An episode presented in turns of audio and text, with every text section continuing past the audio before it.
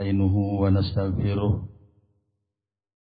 ونعوذ بالله من شرور أنفسنا ومن سيئات أعمالنا من يهد الله فلا مضل له ومن يضلل فلا هادي له أشهد أن لا إله إلا الله وحده لا شريك له وأشهد أن محمدا عبده ورسوله alladzi mala nabiyya ba'dah amma ba'du yang terhormat Ketua Umum Pimpinan Pusat Persatuan Islam dengan seluruh jajarannya. Yang terhormat Ketua Dewan Hisbah PP Persis. Yang terhormat Ketua Pimpinan Wilayah Jawa Barat dengan seluruh jajarannya. Hadirin dan hadirat yang berbahagia acara mubahasah pimpinan wilayah Persis Jawa Barat dalam mengungkap gerakan salafi di Indonesia akan segera dimulai. Diawali dengan ucapan Bismillahirrahmanirrahim. Acara yang pertama sambutan atau laporan ketua panitia Mubahasah Persis Jawa Barat kepada Ustadz Haji Muhammad Saib Saidin selaku Ketua Bidgar Dakwah kami persilakan. Innal hamdalillah nahmaduhu wa nasta'inuhu wa nastaghfiruh wa na'udzu billahi min shururi anfusina wa min sayyiati a'malina. May fahuwal muhtadi wa may yudlilhu fala hadiyalah. Asyhadu an la ilaha illallah wa asyhadu anna Muhammadan abduhu wa rasuluh. Ahlan wa sahlan wa marhaban bikum bi wasiati Rasulillah. Yang terhormat Ketua Umum PP Persis, juga Ketua Dewan Hizbah, yang sekaligus juga para pemateri pada acara pada kesempatan ini. Alhamdulillah dengan inayah dan taufik Allah Subhanahu wa taala acara mengenai masalah mengungkap gerakan salafi yang kita rencanakan alhamdulillah pada kesempatan ini bisa kita selenggarakan. Mengenai masalah yang perlu kami laporkan pada kesempatan ini selaku panitia tentunya mengaturkan jazakumullah kasiro yang kami sampaikan kepada para pemateri dan juga kepada para peserta di mana keadaan mubahasah kali ini adalah merupakan mubahasah yang ketiga pimpinan wilayah Persatuan Islam Jawa Barat. Di mana keadaan pada kesempatan ini adalah para peserta terdiri dari para ketua pimpinan daerah Persatuan Islam yang ada di Jawa Barat bersama ketua bidang gerakan dakwahnya. Kemudian para ketua otonom PW Persis Jawa Barat. Kemudian para undangan di mana keadaan pemateri pada kesempatan ini insya Allah yang terhormat Al Ustadz Kiai Haji Dr. Anas Siddiq Amin MBA. Kemudian yang kedua Al Ustadz Kiai Haji Aceh Jakaria. Kemudian yang ketiga Al Ustadz Kiai Haji Usman Solihuddin. Yang keempat adalah Al Ustadz Kiai Haji Profesor Dr. Muhammad Amaman Abdurrahman. Kemudian Al-Ustaz Kiai Haji Amin Jamaluddin dan dari pihak Salafi yang kami hormati sebagai pemateri adalah Al-Ustaz Kiai Haji Abu Qatadah. Kemudian yang kedua Al-Ustaz Kiai Haji Abdul Hakim. Di mana keadaan dari kelompok Salafi yang kami undang juga Al-Ustaz Yunus Anis, Al-Ustaz Aib Saifuddin, dan Al-Ustaz Tonari di mana kepada para penyaji dari pihak Salafi bersama rombongan kami mengaturkan ahlan wa sahlan wa marhaban bikum wasiat Rasulullah. Kemudian acara ini terselenggara atas restu pimpinan Pusat Persatuan Islam dan didukung oleh semua pihak. Kami ingin menyampaikan beberapa catatan pada kesempatan ini di mana keadaan yang pertama mohon dengan hormat agar disampaikan kepada asatid yang sangat menginginkan untuk mengikuti acara ini.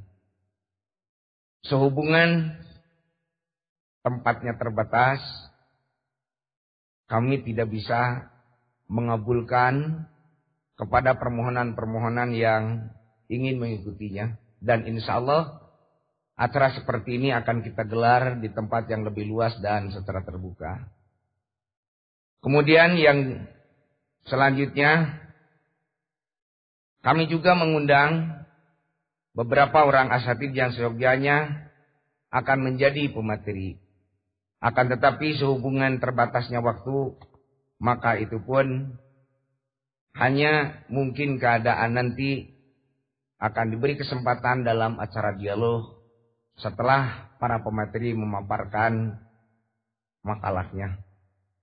Kemudian mohon maaf yang sebesar-besarnya atas segala kekurangan para panitia. Kepada semua pihak yang mendukung kami mengaturkan jazakumullah kasiro.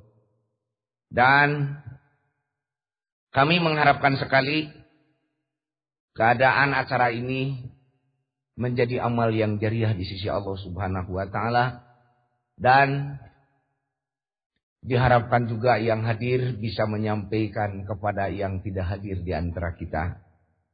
Dan akhirnya semoga kita semua bisa mengikuti acara ini dengan serius dan seksama dari awal sampai akhir acara ini selesai. Rupanya tidak panjang-panjang yang kami sampaikan walaupun semua hadirin dan hadirat pada kesempatan ini merupakan tamu-tamu yang sengaja kami undang. Sedangkan adoi furuhmatun tamu adalah merupakan rahmat. Dan paman karena yuminu billah wal yaumil akhir fal yukrim doepahu keamanan dan keselamatan tamu dititipkan oleh Rasulullah Shallallahu alaihi wasallam kepada dua keimanan. Ialah keimanan kepada Allah dan hari kemudian. Akan tetapi kami juga terbatas bahwa Rasulullah SAW bersabda layak takalapan ahadun lidoifihi malayak biru alaihi. Sekian dan mohon maaf yang sebesar-besarnya. Aku lu lihada wa astagfirullah li walakum. Wassalamualaikum warahmatullahi wabarakatuh dilanjutkan dengan sambutan Ketua Pimpinan Wilayah Persis Jawa Barat sekaligus membuka secara resmi mubahasah pimpinan wilayah Persis Jawa Barat pada saat ini. Kepada yang kami hormati Ustaz Haji Muhammad Idad Sumarta, kami bersilakan. Bismillahirrahmanirrahim. Alhamdulillah Nastaghfiruh wa na'udzu billahi min syururi anfusina wa min sayyiati a'malina. May yahdihillahu fala mudhillalah wa may yudlil fala hadiyalah. Asyhadu an la ilaha illallah wahdahu la syarikalah wa asyhadu anna Muhammadan abduhu wa rasuluh alladzi man la ya'budu. Amma ba'du fa ya ayyuhal hadirun ittaqullaha haqqa tuqatih wa la tamutunna illa wa antum muslimun. Yang kami hormati Al Ustaz Kiai Haji Dr. Nadas Sidik Aminullah MBA selaku pimpinan pusat Persatuan Islam yang kami hormati Bapak Al Ustaz sekaligus orang tua kami KH Usman Solehuddin selaku Dewan Hisbah yang sangat kami cintai Ketua Penasehat Al Ustaz Emon yang hadir mewakili yang lain, serta penasehat dari pimpinan wilayah Jawa Barat yang juga diwakili oleh Ustaz Rustam Lukman. Hadirin yang berbahagia, yang ingin kami sampaikan adalah pertama-tama ucapan terima kasih Jazakallah orang kasiran atas kehadiran tamu-tamu kita dari Salafi yang nampaknya pada hari ini telah hadir di tengah-tengah kita. Dan Alhamdulillah undangan kami telah mendapat sambutan yang luar biasa. Sehingga para peserta yang juga terpaksa harus kami tempatkan di luar sementara. Karena banyak hal nampaknya yang perlu dan ingin diketahui bersama. Kemudian kepada pimpinan daerah serta para mubalik yang dalam ini diwakili oleh Ketua Bidkar dakwah masing-masing pada hari ini juga Alhamdulillah telah hadir di tengah-tengah kita. Dan mohon maaf, masih ada yang di tengah perjalanan, masih mencari lokasi nampaknya mereka itu ke sini. So, pada hari ini memang ada dua kegiatan di tempat ini. Di depan ada perhelatan hajat, pernikahan. Di sini kita akan melakukan membahasa. Sekali lagi, jazakumullahu khairan kasiran atas segala perhatian. Mudah-mudahan yang kita bahas pada hari ini dalam mubahasah ketiga ini menjadikan sesuatu yang lebih terbuka lagi dalam dakwah kita ke depan. Sebab pada hakikatnya semua ormas yang menghadapi dakwah sekarang ini memang sedang banyak tantangan. Nah oleh karena itu kita menghendaki dari mubahasa ini kita akan mendapat kesamaan langkah, kesamaan sikap bagaimana kita menghadapi dakwah-dakwah ini ke depan terutama dengan saudara-saudara kami dari Salafi yang alhamdulillah pada saat ini juga sedang menata dakwah ini ke depan menghadapi tantangan yang sama, musuh yang sama di antara kita semua pada saat-saat ini. Nah, oleh itu mudah-mudahan membahas saat ini akan menjadikan suasana kita di lapangan tidak terjadi hal-hal yang satu sama lain berbenturan lah barangkali itu. Kita ingin kesamaan langkah nanti kita ke depan di mana posisi kita masing-masing adalah sama, yaitu menghadapi umat yang saat ini sangat menambahkan dakwah secara benar, dakwah secara nyata, terutama di lapangan supaya bisa kita pelihara satu sama lain mudah-mudahan dalam jajaran dan di bawah naungan yang sama, yaitu panji-panji Islam yang harus kita junjung tinggi. Hadirin yang kami muliakan, seperti diutarakan oleh Ketua Panitia tadi, Para pembahas juga memang saat ini cukup banyak, namun mengingat waktu yang kami siapkan juga memang sangat terbatas. Kemudian tempat yang tadinya kami minta di ruang depan, tapi ternyata pada hari ini bisa di tempat ini saja terlebih dulu. Mudah-mudahan sekali lagi apa yang kita bincangkan pada malam hari ini, eh pada siang hari ini barangkali akan menjadi sesuatu yang nampaknya untuk kita sikapi bersama dalam langkah-langkah kita ke depan. Kemudian daripada itu kami mohon maaf sekali lagi atas keterbatasan tempat dan juga waktu yang harus kita laksanakan hari ini. Akan kita tutup nanti kira-kira pada asar jam 16 sore. Jadi kita manfaatkan dengan pembicara yang cukup banyak ini dengan materi-materi yang cukup padat. Uh, mudah-mudahan kita bisa mengatur waktu secara bersama-sama. Allahu yahudu bi'aidina ila ma Islam wal muslimin. Kemudian kami mohon izin untuk membuka membahasa ketiga pimpinan wilayah Persis Jawa Barat ini dengan ucapan Bismillahirrahmanirrahim. Terima kasih. Assalamualaikum warahmatullahi wabarakatuh. Hadirin dan hadirat yang berbahagia, dilanjutkan dengan minute speaker yang akan disampaikan oleh Ketua Umum Pimpinan Pusat Persatuan Islam Al-Ustaz Dr. Andes Kiai Sidik Amin MBA dengan judul Fenomena Gerakan Dakwah Salafi di Indonesia dan menimbang argumentasi manhaj salafus solih sebagai dasar ketiga sesudah Al-Quran dan As-Sunnah. Kepada Ustaz Sidik Amin kami persilakan. الحمد لله رب العالمين والعاقبة للمتقين ولا أدوان إلا على الظالمين. أشهد أن لا إله إلا الله الرحمن الرحيم. وأشهد أن محمدا عبده ورسوله من آخر الأنبياء والمرسلين.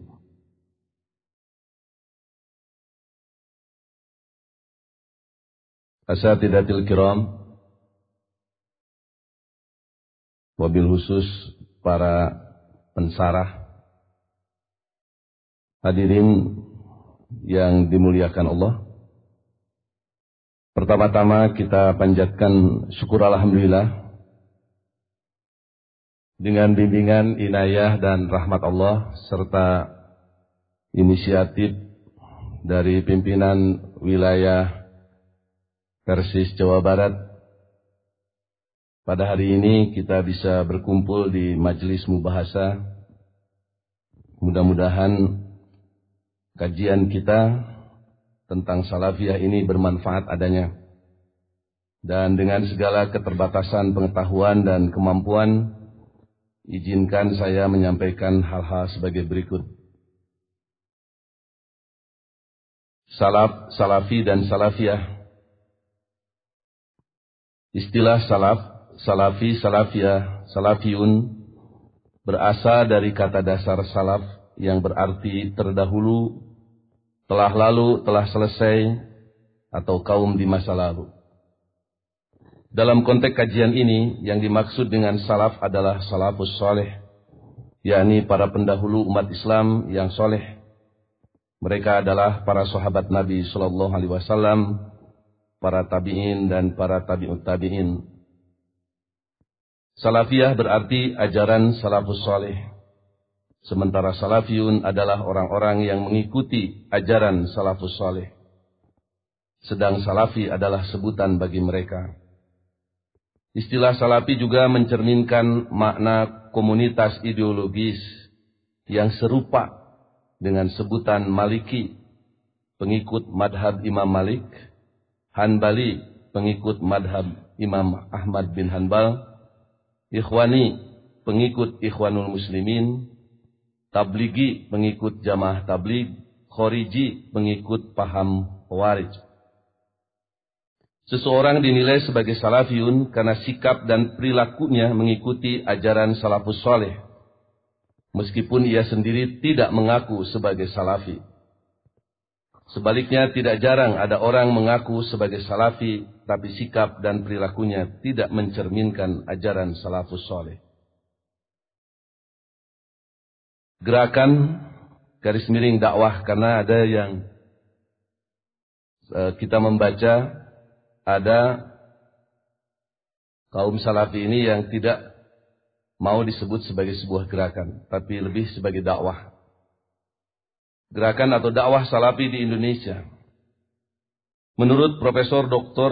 Dadan Wildan M. Hum dalam bukunya Pasang Surut Gerakan Pembaharuan Islam di Indonesia cetakan 2000, gerakan Wahabisme di Arab Saudi Arabia yang dimotori oleh Imam Muhammad bin Abdul Wahab, sebuah gerakan pembaharuan yang dalam istilah Imam Ibn Taimiyah disebut Muhi Atharis Salaf, dalam waktu singkat telah menyebar ke seluruh pelosok dunia termasuk Indonesia. Pada akhir abad ke-18, gerakan salaf ini telah masuk di ranah Minangkabau.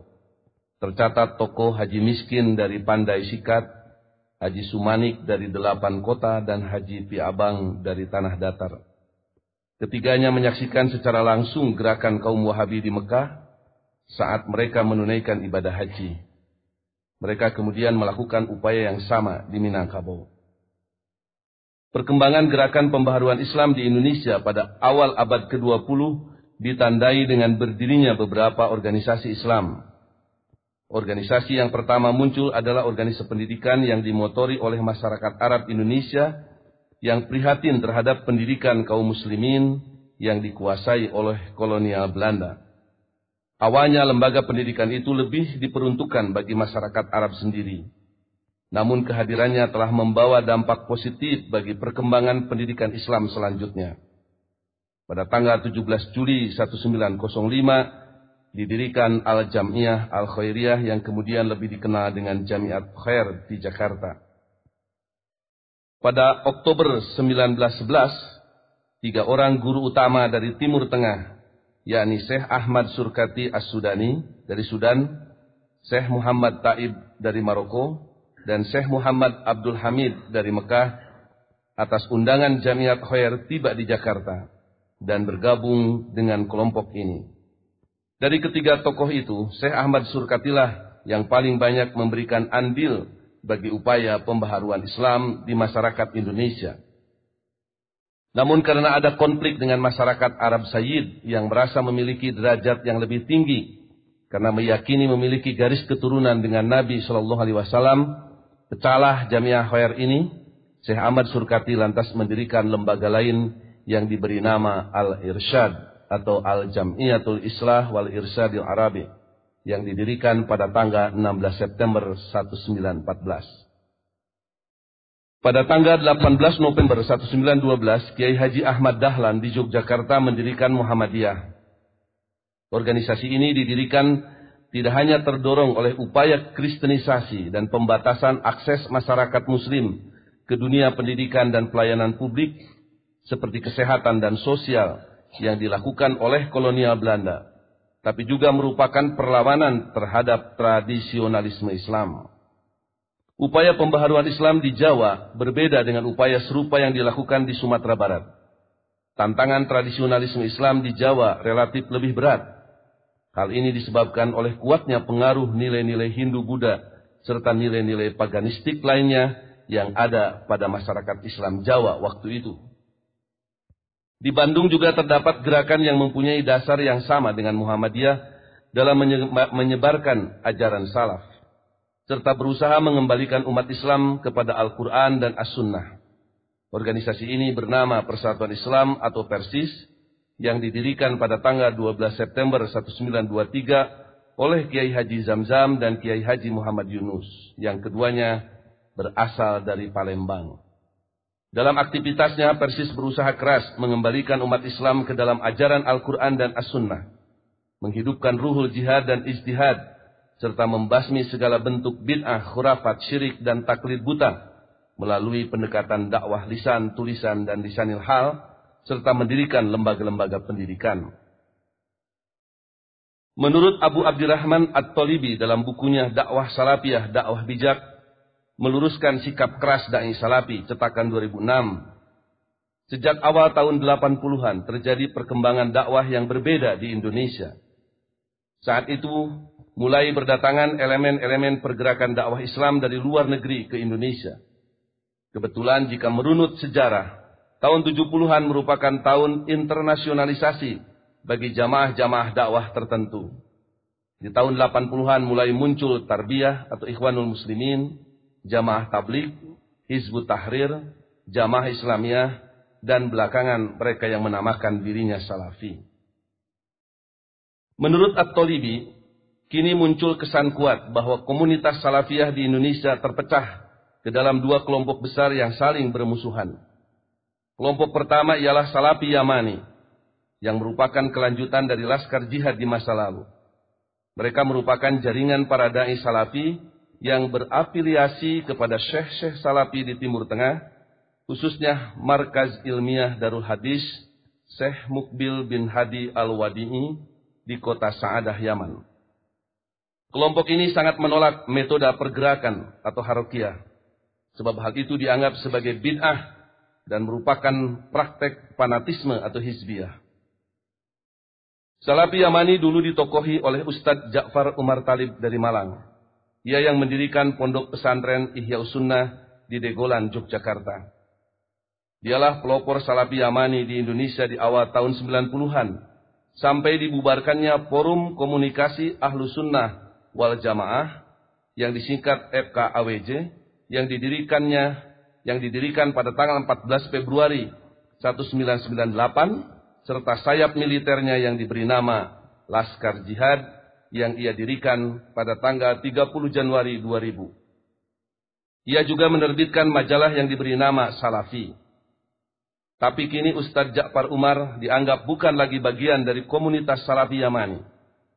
Demikian juga majalah Salafinya. Para ulama yang menjadi rujukan para dai Salafi Yamani, terutama Syekh Robi bin Hadi Al-Madkhali dan Syekh Mukbil bin Hadi Al-Wadi'i merekomendasikan agar FKAWJ dan Laskar Jihadnya dibubarkan. Ja'far Umar juga ditahdir, diberi peringatan keras oleh gurunya sendiri. Dan setelah kejadian itu, ia dijauhi oleh para pemuda Salafi Yamani. Pesantrennya juga jadi kosong melompong. Para kolhanya pun satu persatu menjauhinya, termasuk Muhammad Umar As-Sewed yang kini menjadi tokoh Salafi Yamani. Dia yang kini memimpin pondok pesantren Dia Usunnah di Kecapi Cirebon. Kelompok kedua ialah Salafi Haroki, yaitu dakwah Salafiyah yang menerapkan sistem pergerakan atau Harokiyah. Metode tersebut meskipun tidak sama persis, serupa dengan metode yang ditempuh oleh jamaah-jamaah dakwah Islam seperti Ikhwanul Muslimin, Hizbut Tahrir, Jamaah Tablik, dan lain-lain. Pola Haroki inilah yang membedakan kelompok ini dengan Salafi Yamani dan Salafi-Salafi independen yang tidak mengikatkan diri dengan jamaah, madrasah, atau organisasi apa pun. Menurut Salafi Haroki, tandim atau sistem organisasi itu dibutuhkan untuk menunaikan dakwah di tengah berbagai fitnah kehidupan zaman modern. Mereka menilai bahwa sistem organisasi itu sebagai bentuk ijtihad yang diperbolehkan dalam Islam. Di kalangan Salafi Yamani dan sebagian ulama Salafi, baik di Yaman maupun di Timur Tengah, pada umumnya, ada sebutan bagi komunitas Salafi Haroki ini, yaitu Sururi atau Sururiyah. Dinisbahkan kepada seorang tokoh yang dianggap sebagai perintis gerakan ini, yakni Muhammad Surur bin Nayef Zainal Abidin, mantan tokoh Ikhwanul Muslimin asal Syria. Muhammad Surur adalah pemimpin Yayasan Al-Muntada Al-Islami yang berpusat di London. Lembaga ini mengkoordinasikan majlis-majlis dakwah salafiyah yang berpola pergerakan. Selain Muntada Al-Islami, ada juga Jum'iyah Ihya Utturos Al-Islami yang berpusat di Kuwait yang dipimpin oleh Syekh Abdurrahman Abdul Khalid. Salaki, Salafi Haroki ini menjadi identik dengan dua organisasi dakwah ini. Meskipun di luar keduanya masih ada lembaga-lembaga lain yang juga menempuh metode serupa. Permusuhan dalam tanda kutip antara Salafi Yamani dengan Salafi Haroki ini nampak sangat tajam. Pihak Yamani menyebut kelompok Haroki ini sebagai ahlul bid'ah, sehingga berhak untuk direndahkan serendah-rendahnya, dihinakan dan dijauhi.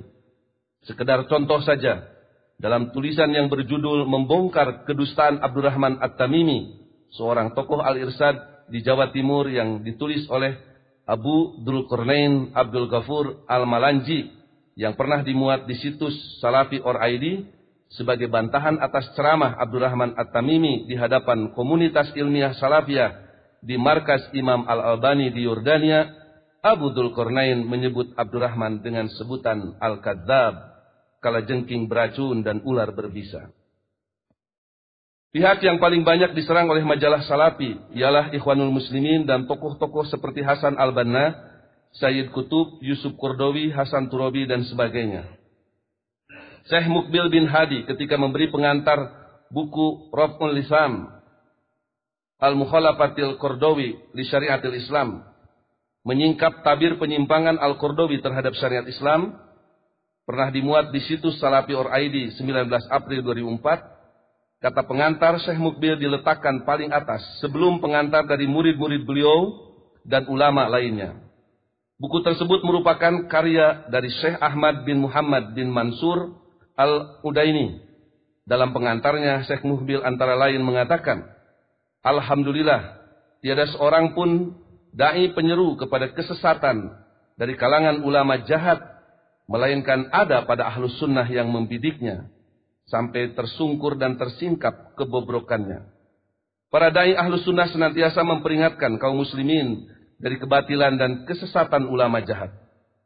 Allah Subhanahu wa taala berfirman, sebenarnya kami melontarkan yang hak kepada yang batil, lalu yang hak itu menghancurkannya, maka dengan serta merta yang batil itu lenyap. Surat Al-Anbiya 18. Di antara sekian banyak dai dolalah yang menyeru kepada kesesatan pada zaman sekarang ini adalah Yusuf Kordowi, mufti Qatar. Sungguh dia telah menjadi amunisi baru bagi musuh-musuh Islam.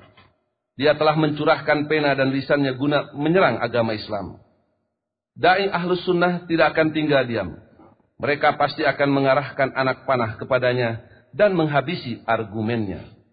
Sebagaimana mereka telah menghabisi dai-dai sesat lainnya. Di antara dai ahlus sunnah yang melakukan demikian adalah Syekh Al-Fadil Ahmad bin Muhammad bin Mansur Al-Udaini. Dia telah banyak meneliti sepak terjang kesesatan Kordowi. Pokok-pokok kesesatan Kordowi itu dipatahkan berdasarkan dalil-dalil Al-Quran dan As-Sunnah. Sejak awal 1996, melalui majalah Salafi, Ja'far Umar juga pernah melontarkan celaan sangat keras terhadap Yusuf Kordowi. Ja'far Umar menyebut Al-Kordowi sebagai aduullah, musuh Allah, dan sebutan Yusuf Al-Quraidi Yusuf dari suku Yahudi Quraidah. Sebutan-sebutan tersebut sempat dikoreksi oleh guru Ja'far Umar di Yaman.